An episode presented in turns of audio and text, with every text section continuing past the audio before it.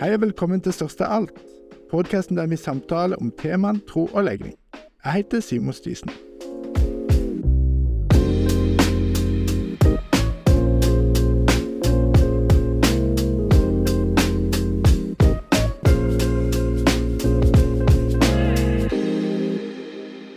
2021 ga dagens gjest ut en bok med tittelen 'Det trofaste samlivet', som argumenterte for at Kirken skulle anerkjenne homofilt samliv. Ikke noe nytt for en teolog å gjøre det, tenker du kanskje. Men at det var en pinseteolog som skulle gjøre det, hadde ikke så mange regna med. Siden den gang har skjellsordene hagla fra kritikerne. Velkommen til Største alt, Terje Hegertun. Takk for det. Gøy å endelig kunne ha deg her i studio. ja. Fordi at det er jo sånn at I begynnelsen, når jeg lekte, lekte med denne ideen om å starte ja. denne podkasten, ja. da tok jeg kontakt med ulike folk. Ja. Blant annet det for å høre om du tenkte at en podkast der jeg bare hadde en åpen samtale med ulike mennesker, mm. var viktig. Eh, og, og det var bra å gjøre. Og her sitter vi. Ja. Nå er du gjest i den podkasten. Jeg bekrefta vel det at jeg trodde det var bra. Ja, ja, ja. du gjorde det. Du gjorde det. Eh, og, og, det er fint å kunne ha ulike mennesker rundt seg som man kan Absolutt. spørre om råd og sånne ting. Absolutt. Og La meg begynne med et lite spørsmål her. Eh, du har fått mye kritikk og hat for å utgi den boka eh, som du har lagd. Men tror du prisen er verdt det i det lange løp? Ja, jeg tror jo det. Absolutt. Eh, jeg var jo forberedt på at den kunne vekke reaksjoner. Men eh, jeg er jo ikke alltid så sikker på at de som har brukt de sterkeste ordene, egentlig har visst om eh, alt som har stått i den boken. Altså Det er fort sånn at man henger seg på en debatt. For det er jo andre som sier at boken til og med er irriterende konservativ, har jeg, faktisk hørt noen har sagt. Eh, men, men, eh, jeg var forberedt på at boken både ville bli lest og debattert. Eh, men det er klart negative kommentarer de oppveier, oppveies i stor grad av at boken også har betydd så mye for mange. Mm. Jeg har forsøkt å gjøre et ordentlig stykke fagteologisk arbeid jeg har ikke hatt noen skjult agenda, men jeg jobba seriøst og grundig med både bibelmaterialet og med historien og med alle de kilder som har vært tilgjengelige. Og, og, og da er det jo mange også som har kontaktet meg eh, personlig, enten per brev eller mail eller ringt. Eh, de har sagt at boken har vært eksistensiell for dem, er et uttrykk som har vært brukt. Det er noen som til og med har gått så langt som har sagt at de vet at boken har reddet liv. Eh, at troens flamme har begynt å brenne igjen. Nå våger jeg å nærme meg menigheten min igjen.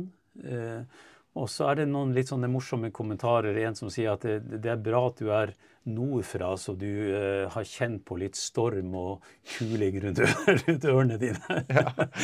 så, så, eh, så, det er jo særlig de som er personlig berørt, eller har noen i familien, eller har vært opptatt av dette spørsmålet på, på, på ulike måter, som har, som har uh, tatt kontakt. Og så har jeg jo hatt veldig gode samtaler med, med pastorer og ledere, som har bedt om samtaler rundt boken, som har lest den, og som vet at andre har lest, og hvor boken har vært, vært debattert. Eh, og som ikke går ut i, i, i, media og skriver stygt om meg. Det er jo noen som har, som har drevet nesten sånn personkarakteristikk av meg, og det, det, det, faller litt sånn på sin egen urimelighet. Og, uh, mens det er mange, mange pastorer som, som, uh, som, i stedet ønsker å drøfte innhold og tematikk, og, og, har vært berørt av mye av det jeg har skrevet. Mm. Så, så, eh, så det, er ikke, det, er ikke bare, det, er ikke, bare, slakt. Tvert imot. Boken tror jeg faktisk har betydd mye for mange. Mm.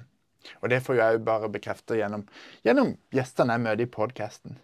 Men eh, for å for, forstå litt hvem du er hvor, du, du, sier du er nordfra. Dialekta avslører det for øvrig. Men, men, hvordan er du vokst opp? Har du alltid vært kristen? Ja, jeg har vel vært kristen det med aller meste av mitt liv. Det er klart det var en periode i, min, i mine eh, ungdomsår hvor jeg ikke hadde samme interesse for, for, for mine foreldres uh, liv og tro, men, men, men, men, jeg vokste opp i en, uh, i en pinsemenighet i Lofoten. i... Uh, på Vestvågøy i Lofoten.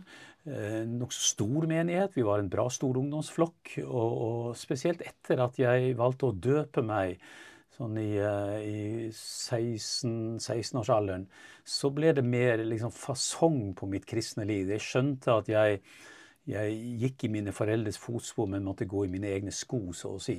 Og, eh, og fra da av eh, så, så, ble jeg trukket inn i mye kristent arbeid. Spilte og sang og, og delte troen, og, og, ble en aktiv kristen ungdomsarbeider relativt raskt. Vi har jo tradisjon og kultur for det i pinsesammenheng, at man kan, man kan begynne tidlig. En lang utdanning står ikke i veien for, tjenesten.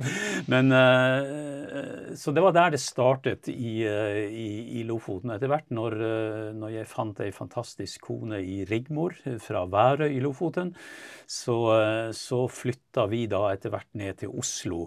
Hun tok ja, startet med sin sykepleierutdanning, og, og, og, jeg fikk jobb i pinsebevegelsens hovedorgan Korsets Seier og var redaktør der i, eh, i, en god del år. Så jeg hadde en, eh, så, sånn sett ble jeg jo for så vidt også kjent uh, i, i pinsebevegelsen mer sånn på landsbasis. da. Og så har livet brakt meg i mange spennende retninger. Etter noen år som, som, som pastor og redaktør så, så, følte jeg behov for å formalisere min teologiske, teologiske kunnskap. Jeg kjente på behovet for å måtte dykke dypere og få litt bredere perspektiver og en mer dynamisk bibelsyn osv. osv. Og, og det startet med et par eh, semestre her på MF, og det, studiene bare tok meg. Jeg syns det var så fantastisk å, eh, å formalisere min, eh, min, min, kunnskap om Bibel, teologi, historie, kirkehistorie osv. Så, videre. så Så det gjorde at jeg tok min teologiske utdanning, såkalte kan-teolutdanningen samme som prest, norske prester har. Og gjorde det på relativt kort tid også, ved siden av at jeg jobbet litt og finansierte studiene. Så det, Siden da har det vært en festreise. og Det, var, det er ca. 25 år siden nå. Så jeg, jeg, har jo en litt sånn omvendt karriere. At jeg har hatt, jeg jobbet mye i starten eh, av mitt liv. Og så tok jeg en formell utdanning og har jobbet som professor da ved Menighetsfakultetet i, eh, i ca. 20 år. Mm. Da har du litt erfaring og litt eh, å gå på. Ja. Eh, men i løpet av denne reisen, hvordan, hvordan forholdt du deg til homofilispørsmålet på dine yngre dager? Eh, som, eh, som, de fleste andre i det som eh, alltid har vært mitt trosmiljø, min, min, min kirkelige tilhørighet. Jeg, jeg, husker faktisk at jeg for mange år tilbake var en av utsendingene som, eh, som, fra predikantkonferanser som vi hadde, det som nå heter LED. Eh, I gamle dager når jeg var ung, så var det en predikantkonferanse i februar hvert, hvert år. Og da eh, var dette på, midt på 80-tallet, da, da, partnerskapsloven ble vedtatt etter en tids debatt i, i Stortinget. Og jeg husker at vi, jeg var med i en delegasjon som ble bedt om å oppsøke daværende stortingspresident Jo Benkow på Stortinget. Vi fikk en eh, audiens hos han, og, eh, og, fremla da vår bekymring for at eh, partnerskapsloven var blitt vedtatt. For vi, det ble liksom tolket i, i, det miljøet jeg da var en del av, som en, som en eh, ja, som en utglidning eller som, en, som, noe som vi burde være bekymret for. Det jeg mye mindre tenkte på, var jo faktisk de homofiles egne behov for å ha forpliktende rammer rundt sitt samliv. Og, og, i dag er det jo litt rart når jeg leser historien til partnerskapsloven. Eh, for, for den, den, ble jo opphevet da man fikk den nye ekteskapsloven. Og i høringene fra en rekke kirker, når de skulle debattere eller si sin mening om ekteskapsloven, så henviste man til partnerskapsloven og sa at det var jo en mye bedre løsning enn en ny ekteskapslov. Altså, da hadde altså praktisk talt alle konservative kirker endret syn på partnerskapsloven bare i løpet av en 10-15 år.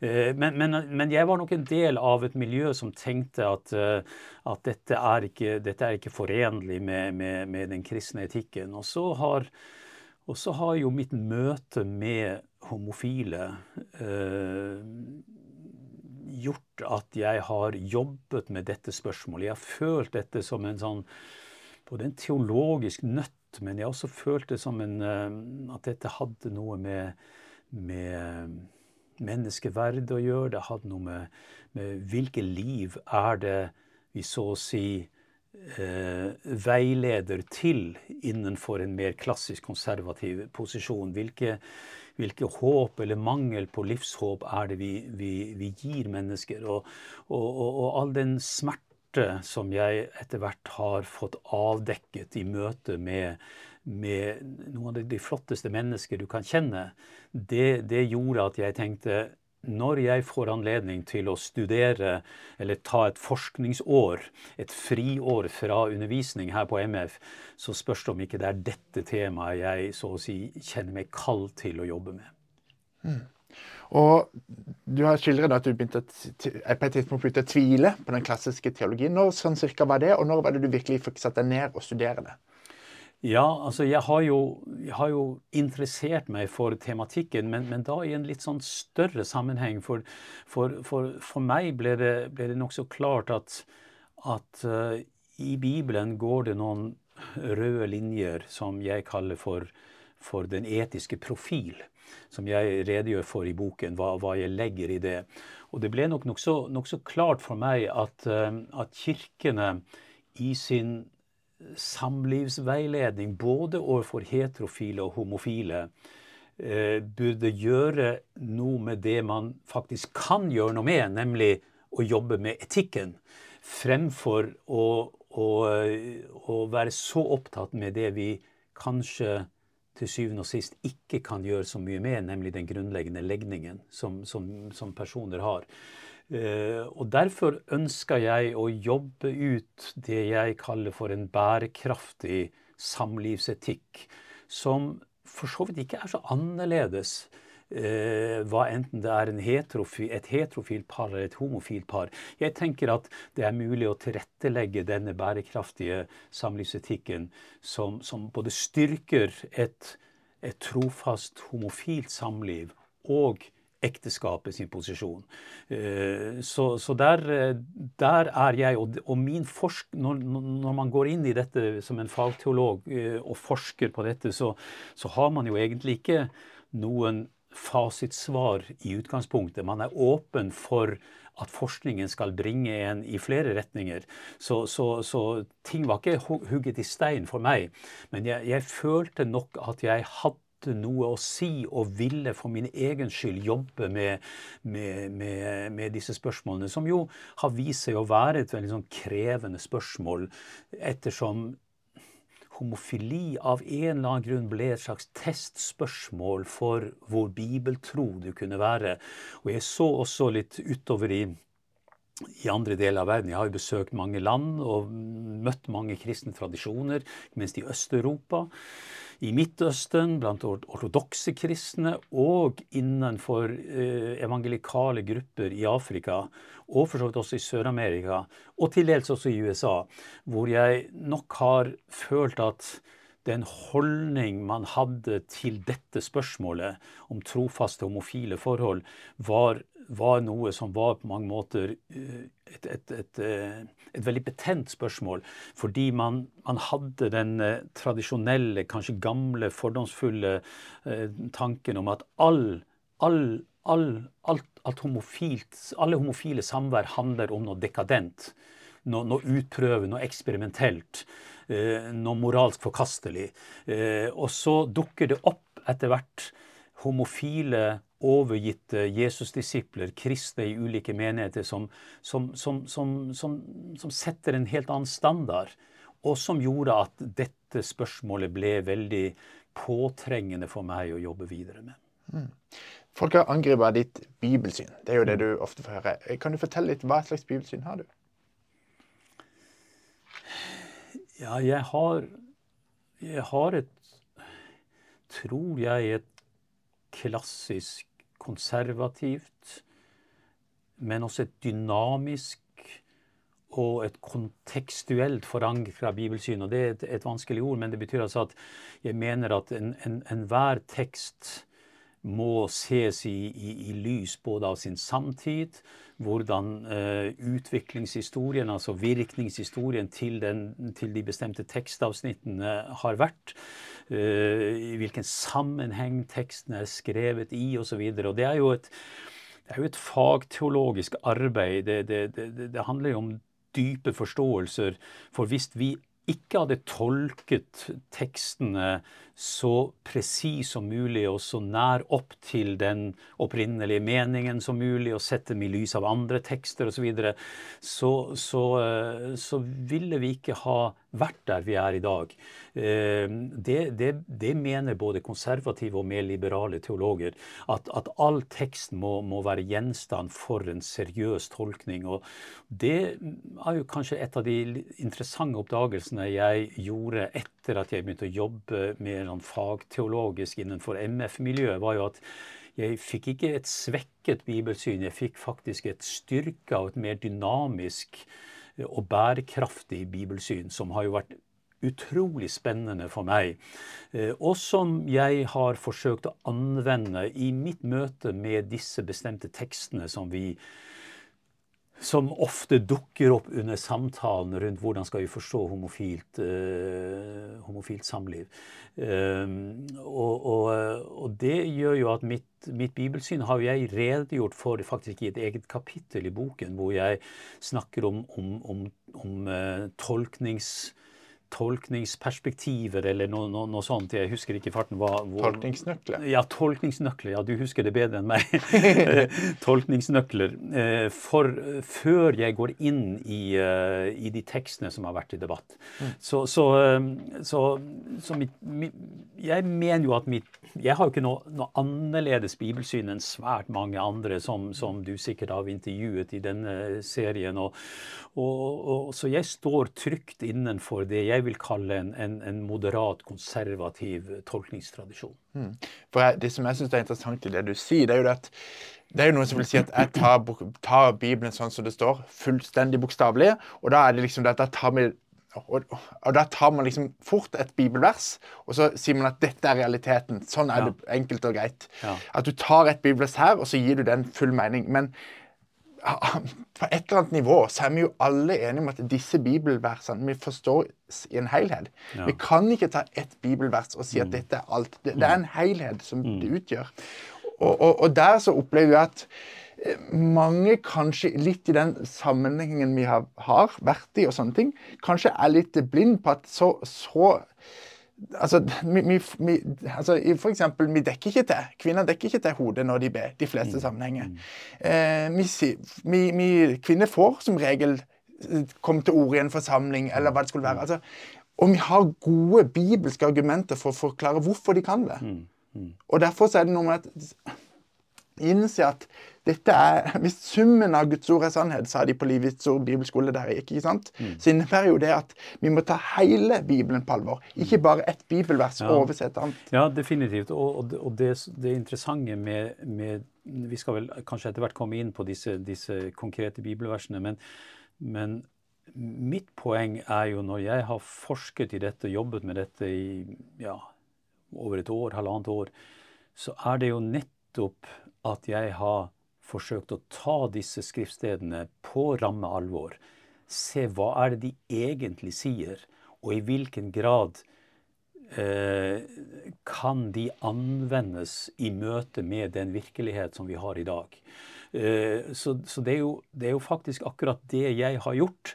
Det er jo at jeg har tatt disse ordene på, på ramme alvor. Jeg jeg har forsøkt å se hva er det som egentlig står her.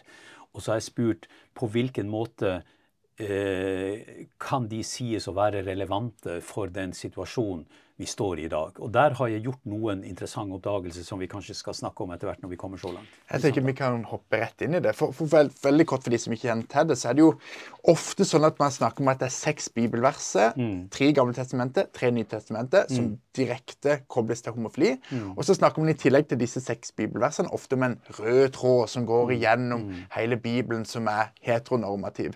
Um, hvis vi kan begynne med det, de første, hvis vi begynner med de første bibelversene. Ja, ja. Um, ja jeg, er enig i at det du kaller den røde tråden.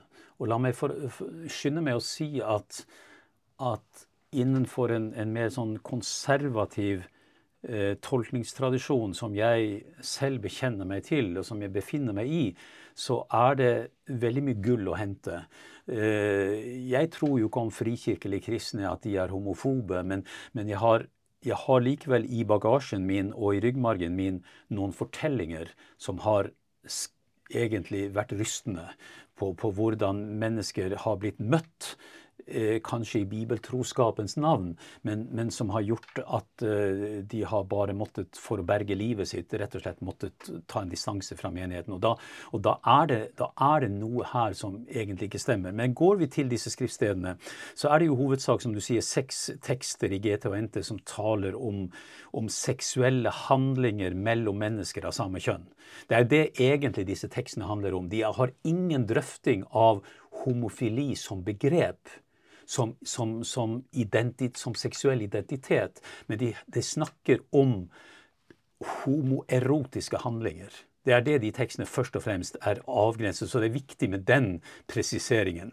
Eh, begrepet homofili eller homoseksualitet anvendes jo ikke i Bibelen som en identitetsdisposisjon i det hele tatt. Det er, det er av langt nyere dato.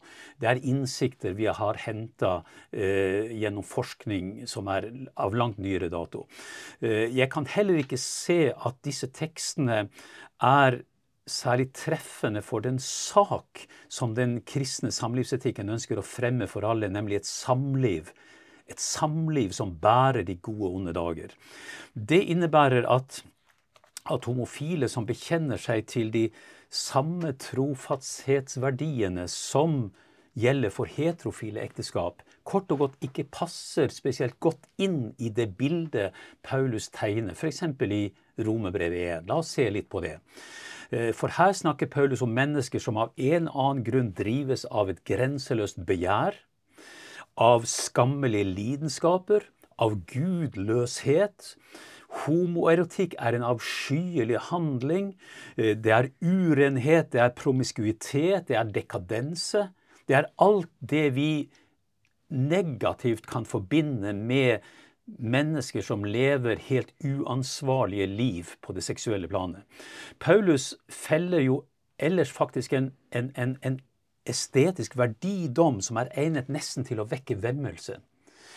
Eh, en homobar på Playa de Ingles eh, blir jo nesten rene søndagsskoen til sammenligning. Eh, og dersom vi hevder at vi snakker om en annen virkelighet i møte med kristne homofile enn det som tegnes her, så bør vi ikke adressere disse tekstene eh, overfor dem. Da gjelder det egentlig en helt annen virkelighet. Og det er, jo, det er, jo, det som gjør at jeg sier at jeg Er det noen som tar disse tekstene på alvor, så er det jeg. Jeg tar jo disse tekstene virkelig på alvor. Men de spørsmålene vi må stille, det er om gjelder denne teksten virkelig mennesker som følger Jesus, eller gjelder det dem som er hengitt til den avgudsdyrkelse som får de kjennetegn som romerbrevet beskriver, og som, og som, i betydelig grad dominerte i antikken? Gjelder virkelig denne tekst våre menighetsbarn?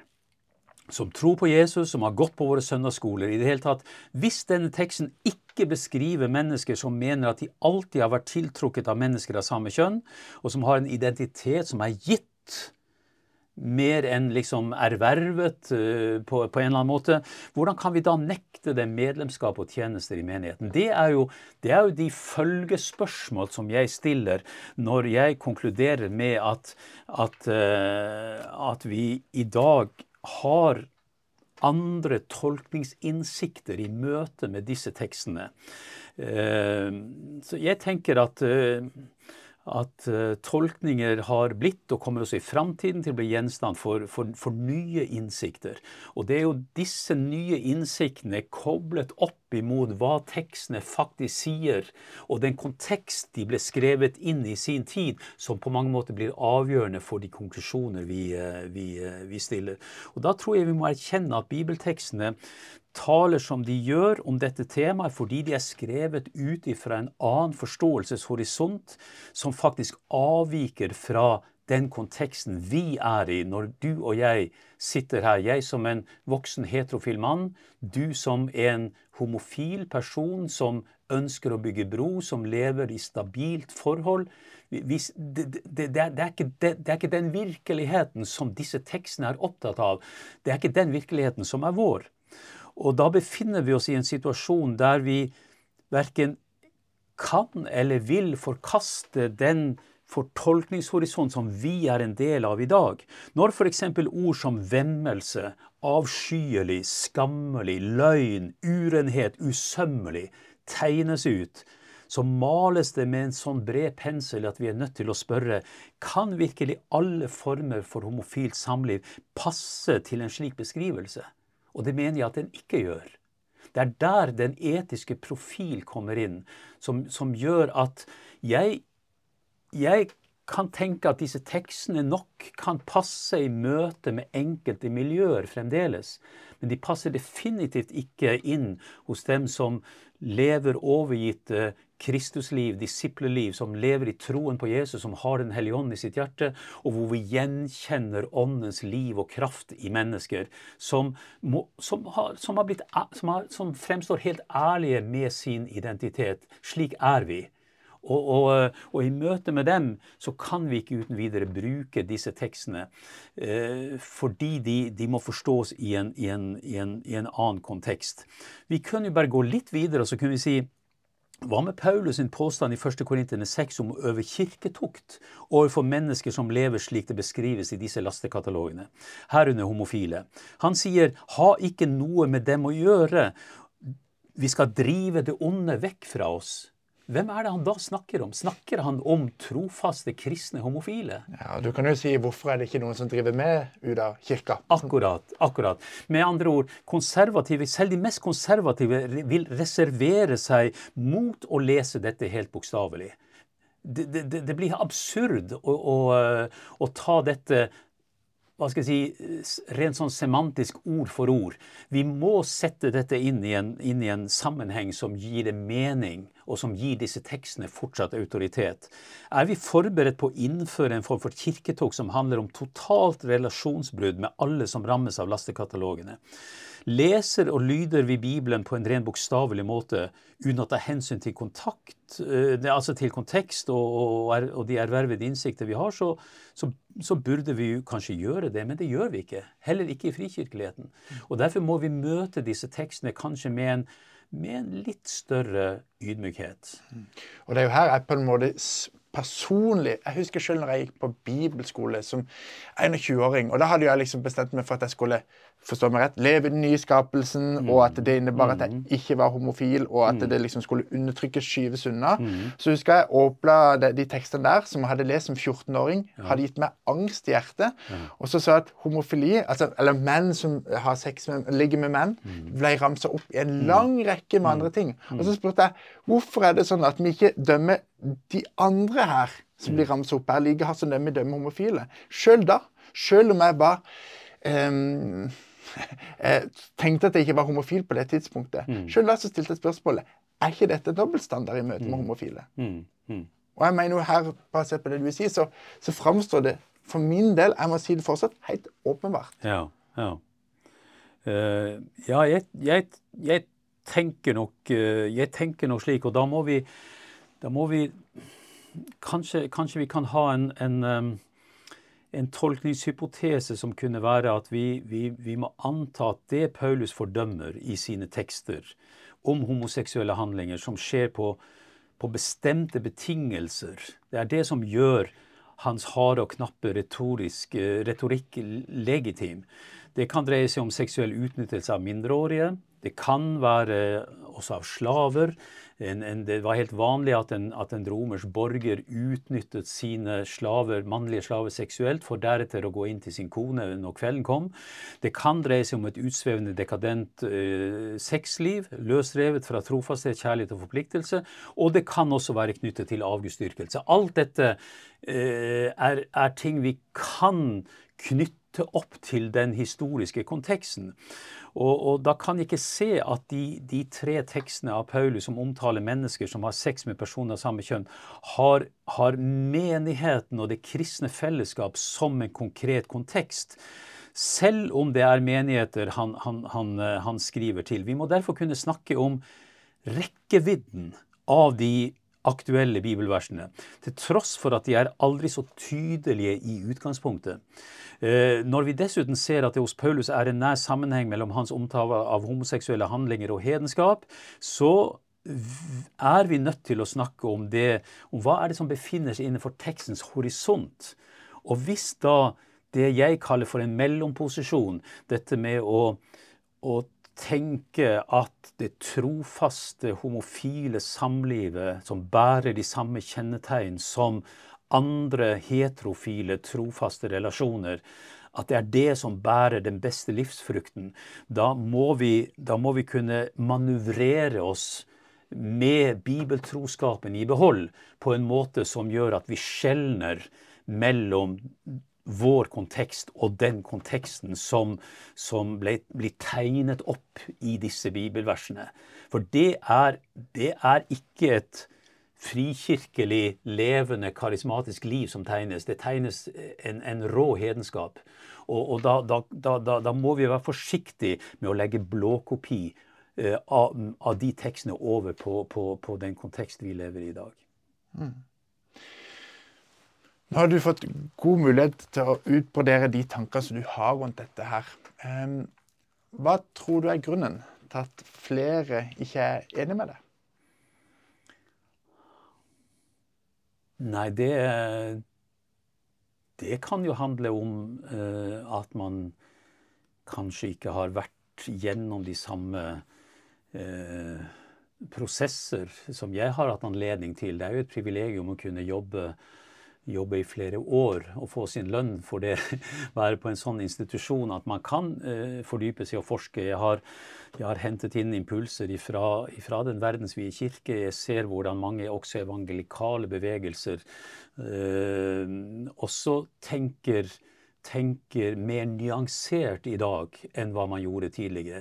Tenk at det, det har ikke gått mer enn en ca. 70 år siden, altså på 1950-tallet, så uttalte landets biskoper her i, her i, Norge at det vil være en, en, eh, en skade av verdens dimensjoner om man eh, åpnet opp for å anerkjenne det trofaste homofile samlivet som er forpliktet på samme måte som heterofile ekteskap. Og det, det, har, jo, det har jo fått eh, Det får oss til å tenke hva er det som har skjedd på 70 år? Det er jo egentlig veldig kort tid i en kirkehistorisk sammenheng. Det, det er fors, forskjellig fra, fra, fra, fra, landsdel til landsdel og fra verdensdel til verdensdel, men, men, det pågår i dag et veldig spennende faglig arbeid som påvirker kirkene eh, på den måten at man ikke sier nei til en til en klassisk ekteskapsteologi, men sier at vi må kunne gi rom for de trofaste homofile forholdene som forplikter seg til de, til de etiske standarder som fins i Det nye testamentet. Eh, la meg ta et eksempel. Eh, eh, den, den svenske, svenske frikyrkan har, har har, har, i et par år nå jobbet ut en veldig spennende rapport. De har hatt med seg teologer som både har vært konservative og mer eh, liberale. Eh, de har hatt pastorer med seg. De har lyttet til stemmer fra dem som er berørt av dette spørsmålet. Homofile som finnes i eh, evangeliske frikyrkene i Sverige, EFK. Eh, og de har jobbet ut et dokument som etter min mening er ytterligere ytterst interessant, som dessverre ikke har fått særlig omtale i, uh, i Norge. Det er debatt om det innad i det, i det kirkesamfunnet i Sverige, men, men, men, men, dette er et eksempel på en, et kirkesamfunn som har våget å ta debatten, ta samtalen, lytte til de homofile. Og også kommet med noen konklusjoner hvor man bl.a. sier at man bør vurdere å åpne for alle tjenester og medlemskap for dem som har valgt å leve forpliktende med sin, med sin seksuelle identitet. Omtrent slik, slik modellen til, til, til Oslo misjonsmenighet Betlehem er. De sier også at vi må, vi må anerkjenne og gjenkjenne Den hellige ånd hos dem som har en levende tro på Jesus, og som samtidig ønsker å være tro og ærlig i møte med sin egen seksuelle identitet. Ehm, vi kan ikke avvise dem, og da bruker de bl.a. apostelgjerningene. De sier at det er et, det er et, det er et pentekostalt prinsipp at man, at man lytter til den nytenkning som fant sted i apostelens gjerninger. Da gjaldt det forholdet til, til hedninger. Det, var, det, var, en del andre spørsmål som da var oppe i tiden. men, men men, men, men det, var, det, var, en villighet til å justere seg når man så hvordan Den hellige ånd virket i mennesker eh, som, var, var ikke-jøder. Eh, og man spør seg sjøl kan noe av de samme prinsippene som vi finner utløst i apostelgjerning, kan de også an, anvendes i møte med, i, i, dette spørsmålet. Det er ting som drøftes i denne 200-300 siders store rapporten, som etter min mening er, er ytterst interessant lesning. Mm. Det er flere som har kommet og sagt til meg at eh, de aldri har møtt noen som, som har en tydelig bekjennelse i kristen tro, og som plutselig nå stiller spørsmålet hva gjør jeg når ånden plutselig faller på hedningene? Det er det de sier til meg. ikke sant? At det, er, De tvinger de til å gå gjennom noen tankeprosesser ja. som de ikke har Ja, er, det er lett å si at uh, homofile ikke ønsker å være kristne og velge vekk troa mm. eller sånne ting, mm. før du kanskje møte noen av de sjøl som på en måte har strevd med det og, og ønsker å, å, følge Jesus. Mm.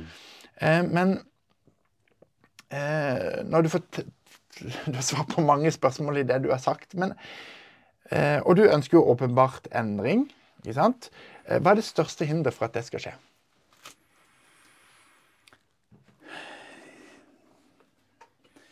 Jeg tror jo at, eh, jeg tror jo at dette er spørsmål som, som har en form for, for surdeigseffekt.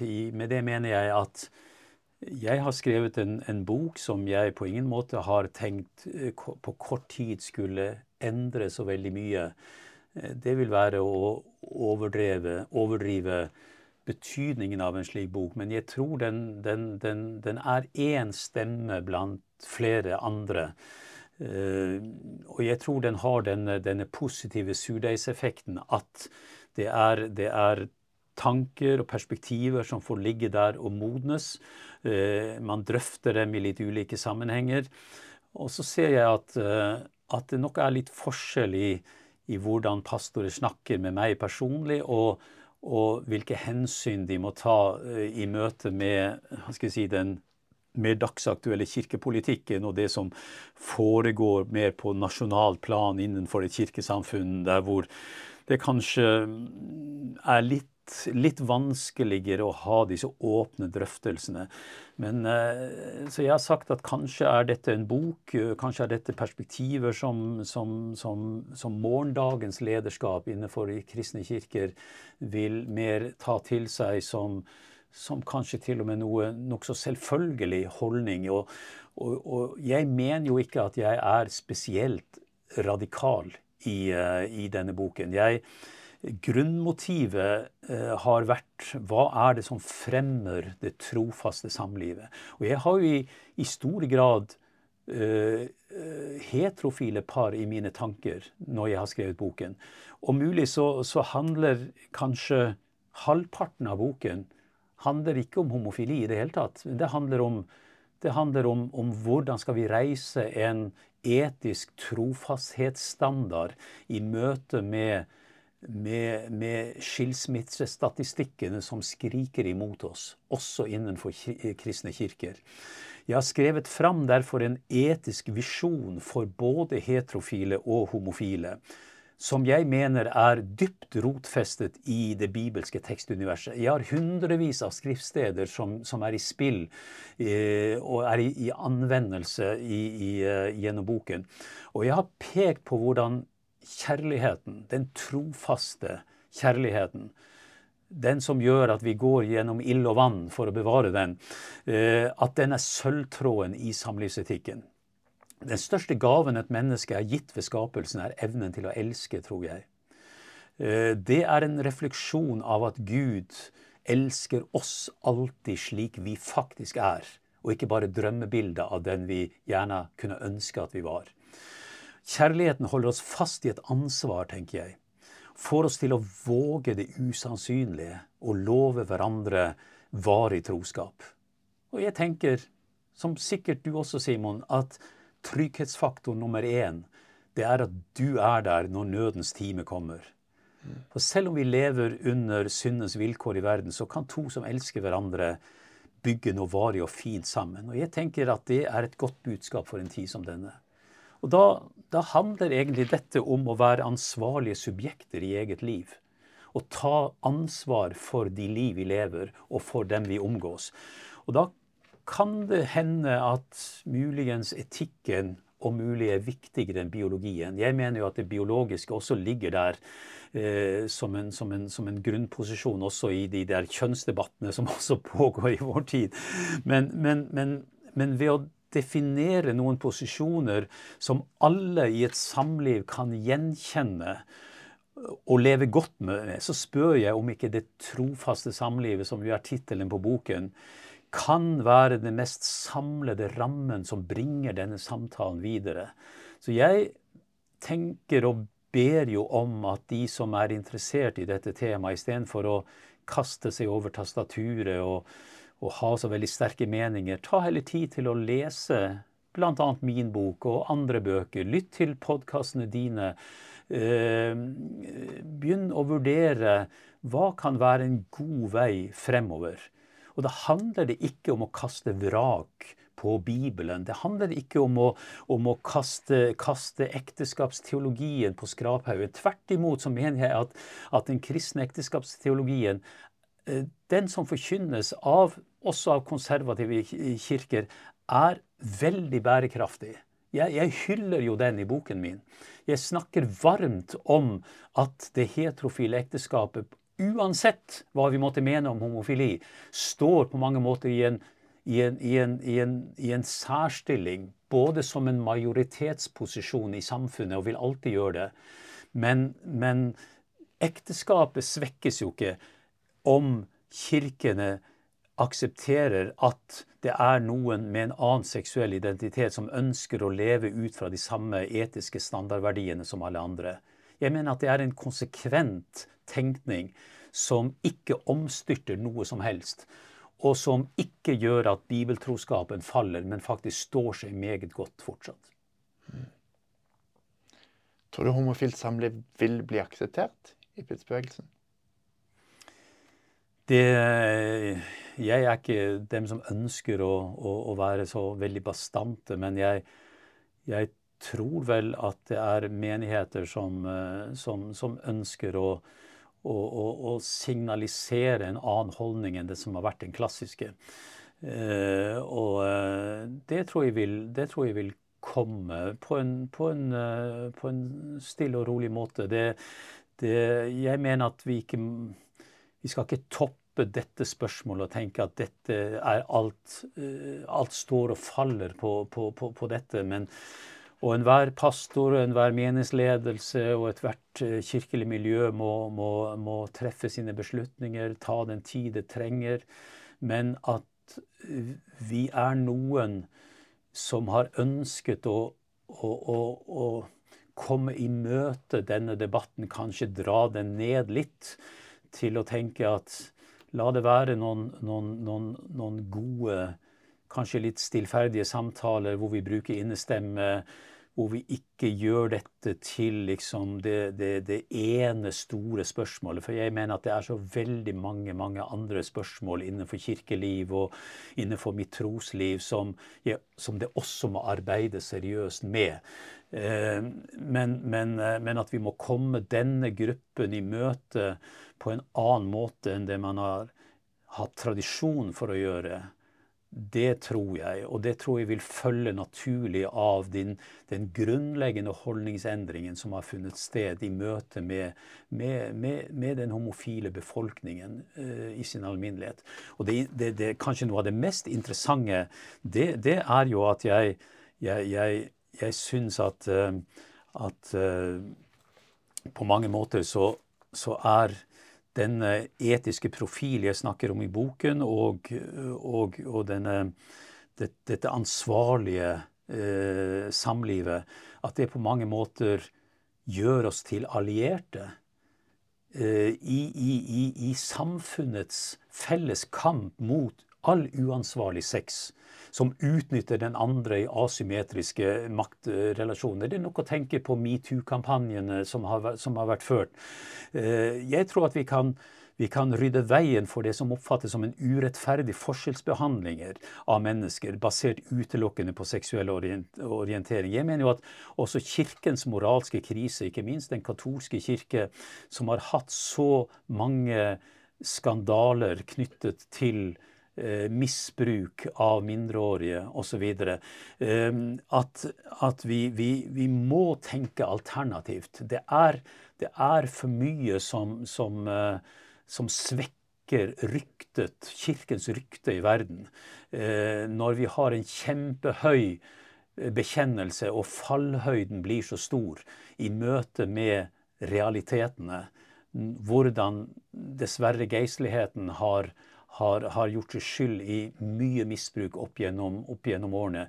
Det tunge arbeidet som nå bl.a. Den katolske kirke må drive for å, for å, for å, for å endre holdning. Så det, det sier meg at Én ting er hva du har av en dogmatisk bekjennelse, men noe annet er hva, vil, vil, hva, hva er sannheten om, om, om, menneskers liv.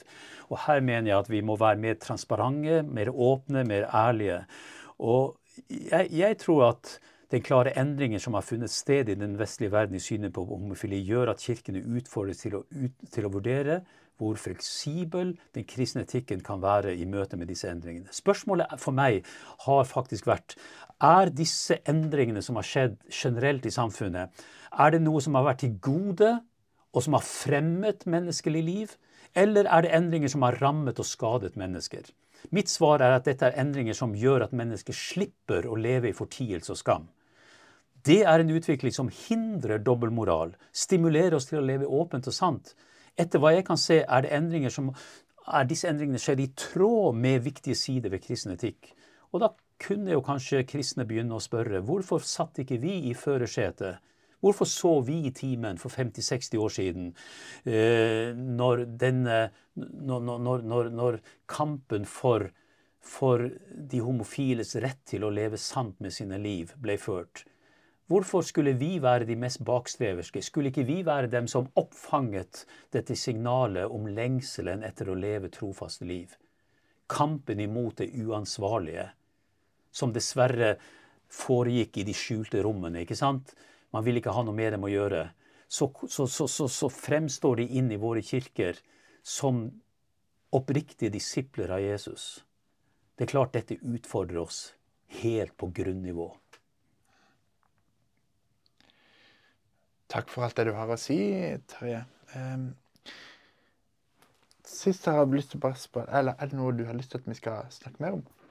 Nei, jeg syns vi har snakket mye. Jeg beklager at jeg har snakket kanskje altfor mye. Nei, ingen problem. Da, da, skal jeg stille deg et siste spørsmål da. Ja. Til slutt så har jeg bare lyst til at du skal få lov til å ha det Hvis du skal si det viktigste eh, du vil si til homofile som lytter til denne podkasten, på 30 sekunder, hva er det det er? Det viktigste er kanskje å si at i stedet for å fokusere på all kirkelig uenighet, så ønsker jeg å heie fram at homofile bygger en trofasthetskultur. Eh, tar ansvar i sine menigheter. Ikke gjør seg selv til ofre, men lever sant og ærlig med sitt liv og med sine posisjoner. Og tenker at jeg sammen med alle andre identiteter skal bygge kirken sammen. Også den homofile og de homofile samlivene skal få være med å bygge framtidens kirke. Takk for fine ord. Takk for bidrag, Terje Hegud.